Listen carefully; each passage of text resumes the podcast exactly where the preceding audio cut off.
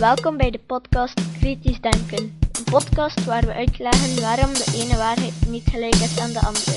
En hoe je kan uitwissen waarom de ene waarheid juister is dan de andere.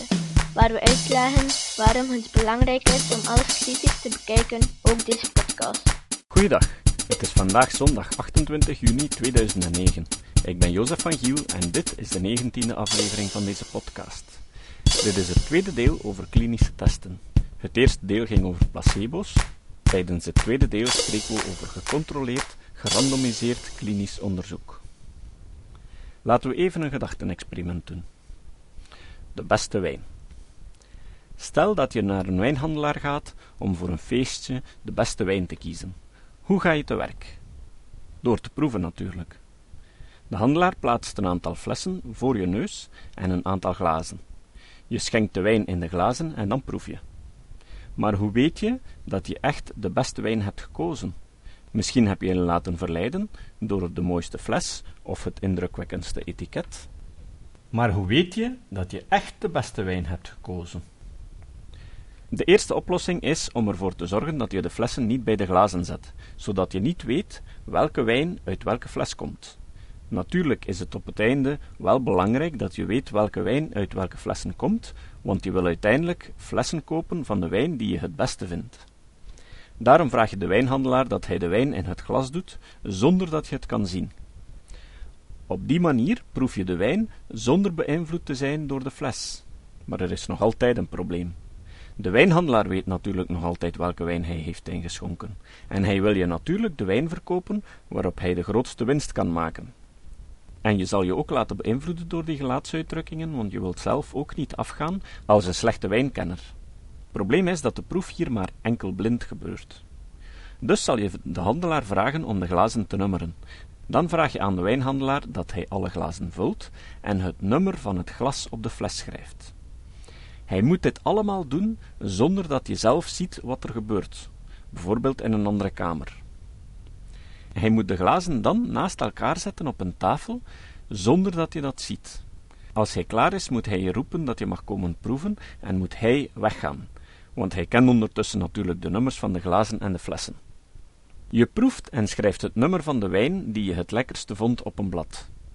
Nu is de wijn dubbelblind geproefd. Je kan natuurlijk nog inbrengen dat je ook niet beïnvloed wil worden door het kleur van de wijn. In dat geval vraag je om zwarte ondoorzichtige glazen te gebruiken. Voor wijn is het ganse opzet natuurlijk banaal. Bovendien spelen de vorm van de fles, het etiket, de plaats waar je het kocht en alle mythische verhalen rond de wijn mee in de beleving van het drinken. Van wijn drinken kan je alleen maar zat worden, maar van geneesmiddelen kunnen mensenlevens afhangen. Onderzoek nu we meer inzicht hebben in het placebo-effect, wordt het natuurlijk duidelijker waarom in de geneeskunde persoonlijke getuigenissen totaal waardeloos zijn om te bepalen of een middel inderdaad voor een genezing zorgde of niet. Er zijn zoveel factoren die kunnen meespelen in het genezingsproces. Bovendien is het onmogelijk om een onderscheid te maken tussen betrouwbare en onbetrouwbare getuigenissen. In deze context betekent onbetrouwbaar trouwens helemaal niet dat de getuige oneerlijk zou zijn, de zaak zou proberen te manipuleren of gewoonweg bedrog zou willen plegen. Het kan heel goed zijn dat de getuige gewoon een inschattingsfout maakt. Dus met het wijnexperiment in ons achterhoofd proberen we nu een manier te vinden om uit te vissen of een medicatie echt werkt. Hiervoor nemen we een vrij grote verzameling van testpersonen. Er bestaan heel ingewikkelde statistische onderzoeksmethoden die je kunnen helpen bepalen hoeveel testpersonen je nodig hebt om een betrouwbaar resultaat te krijgen. Maar daar ga ik nu niet dieper op in. Wat wel interessant is om te weten, is dat het aantal benodigde personen helemaal niet afhangt van de grootte van de volledige bevolking waarover je iets wil zeggen. Het hangt wel af van hoeveel groter het verwachte effect is ten opzichte van het placebo. Hoe kleiner het verwachte verschil, hoe groter de testgroep moet zijn. Nu deel je de testpersonen op in twee groepen. De ene groep krijgt een placebo en de andere groep het te testen medicament. 1. Enkel blind. Hier duikt er al een probleem op. Als de proefpersonen weten of ze een echt medicament of een placebo krijgen, dan zal het placebo-effect dat ik in de vorige aflevering besprak enkel werken bij de medicatiegroep en niet bij de placebo-groep, omdat die laatste weet dat ze toch niets krijgt. Dus moeten we ervoor zorgen dat de patiënten niet weten of ze een placebo dan wel het echte medicament krijgen. Dat noemt men een enkelblind onderzoek. 2. Dubbelblind. Maar er is nog een probleem, want de arts die de patiënten onderzoekt weet wel wat hij aan wie gaf. Bij gevolg kan hij, net als bij die wijnhandelaar, door zijn gelaatsuitdrukkingen aan de patiënt verraden bij welke groep hij zit. Bovendien kan hij onbewust zijn beoordeling van het genezingsproces laten beïnvloeden door die voorkennis.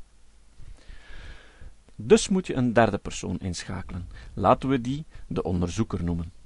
Die onderzoeker zal ervoor zorgen dat het placebo's en de echte medicamenten er identiek uitzien en in dezelfde doosjes zitten. Hij zal er ook voor zorgen dat de doosjes een nummer krijgen en hij zal zelf een lijst bijhouden waarop staat welke nummers een placebo en welke nummers een echt medicament hebben. Dat wordt de dubbelblinde test genoemd. 3. Gerandomiseerd. Maar dan is er nog altijd een probleem want de kans is groot dat de onderzoeker een of ander systeem in zijn nummering steekt, zoals bijvoorbeeld alle evendoosjes of de eerste helft van de doosjes placebo's.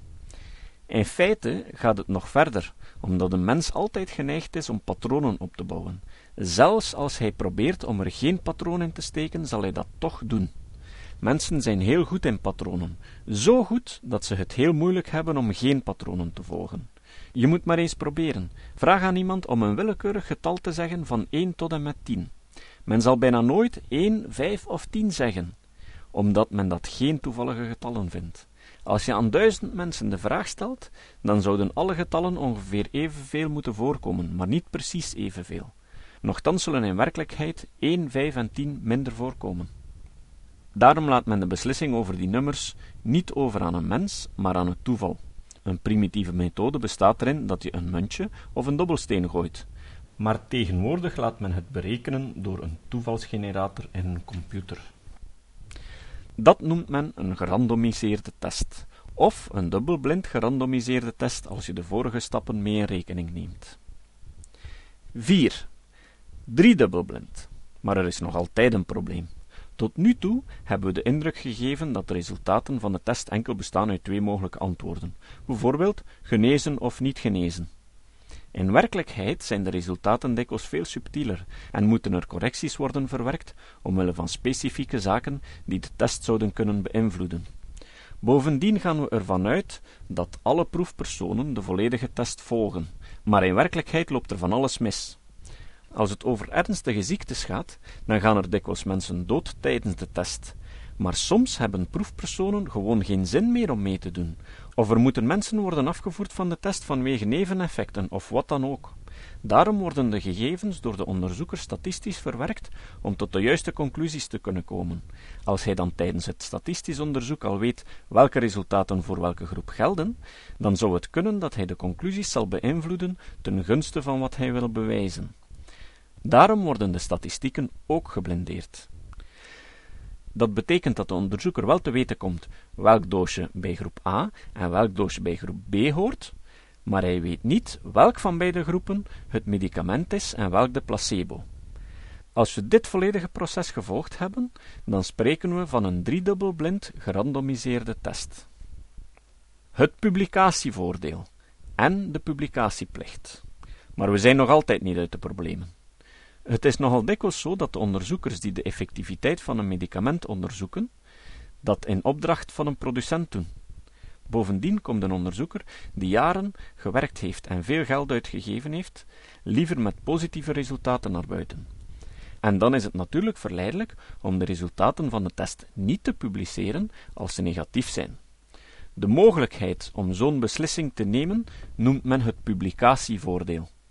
Maar je kan het nog verder drijven, want je kan natuurlijk een onderzoek doen en aangezien testpersonen willekeurig gekozen zijn en je al hun eigenschappen niet in de hand hebt, bestaat er nog altijd een kans dat een goed uitgevoerde test, die volgens bovenstaande criteria uitgevoerd werd, toch een vals resultaat geeft. Meer nog, als je lang genoeg opnieuw testen uitvoert, dan zal je op den duur tot een resultaat komen dat je verwachtingen bevestigt. En dan kan je natuurlijk alle negatieve onderzoeken gewoon negeren en alleen het positieve onderzoek publiceren.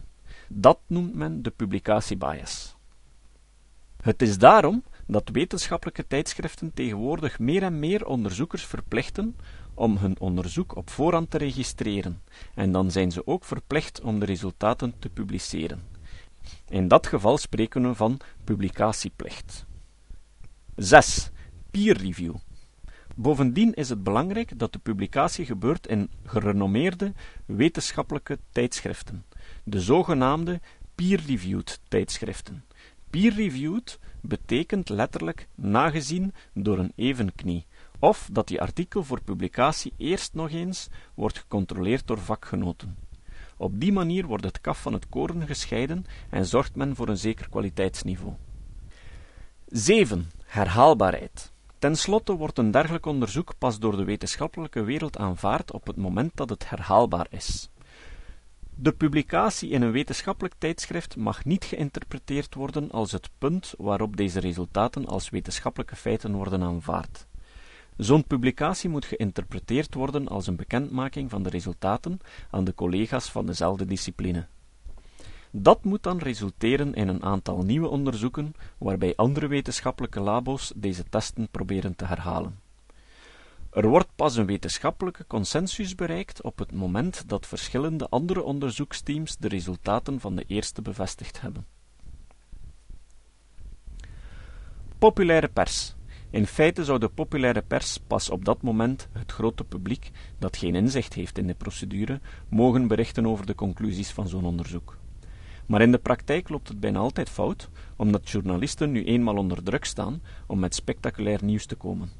Bovendien zijn er steeds minder kranten die echte wetenschappers aanwerven voor het wetenschapsnieuws. Slechts bij een handvol kwaliteitskranten in Vlaanderen en Nederland heeft de wetenschapsredactie wetenschappers in dienst. 9. Absolute zekerheid. Het is belangrijk om hierbij ook op te merken dat, zoals we in twee afleveringen geleden ook zagen, absolute zekerheid nooit bestaat. Dat is een rechtstreeks gevolg van het principe van Karl Popper. Maar tot nu toe is de hierboven beschreven procedure de best beschikbare. Zoals je ziet is wetenschap geen magische term van mensen die gewichtig doen, maar een verzameling werkwijzen die door vallen en opstaan zich hebben gecumuleerd tot steeds betere processen om tot steeds betrouwbaarder resultaten te komen. Onderzoek op alternatieve therapieën. Onderzoeken die op alternatieve therapieën worden uitgevoerd, zijn bijna nooit volgens de bovenstaande procedures uitgevoerd. En naarmate ze dichter komen bij deze kwaliteitseisen, worden de resultaten steeds negatiever. Dat is dan ook niet verwonderlijk, want op het moment dat bovenstaand onderzoek slaagt, wordt de behandeling automatisch niet meer alternatief. Zoals je ziet houdt het argument dat bijvoorbeeld homeopathie niet wetenschappelijk te testen is, omdat het een individuele behandeling is, geen steek. Een driedubbel gerandomiseerde test kan je zelfs opzetten voor een therapie waarbij de arts aan elke patiënt iets anders geeft, omdat hij ook rekening houdt met zijn dromen, de leeftijd van zijn moeder en het haarkleur van zijn vrouw. Wat je moet doen, is de therapeut laten beslissen welke bereiding elke patiënt krijgt, en dan laat je een computer beslissen of de apotheker het voorgeschreven middel moet prepareren, dan wel een placebo in het flesje moet doen. De rest van de test kan dan ongeveer lopen zoals hierboven beschreven. Manuele therapieën. Doordat homeopathie met flesjes en pilletjes werkt, is het gemakkelijk om een geblindeerde test op te zetten. Maar het wordt natuurlijk een stuk moeilijker als je een manuele therapie wilt onderzoeken, zoals bijvoorbeeld acupunctuur, osteopathie of chiropractie.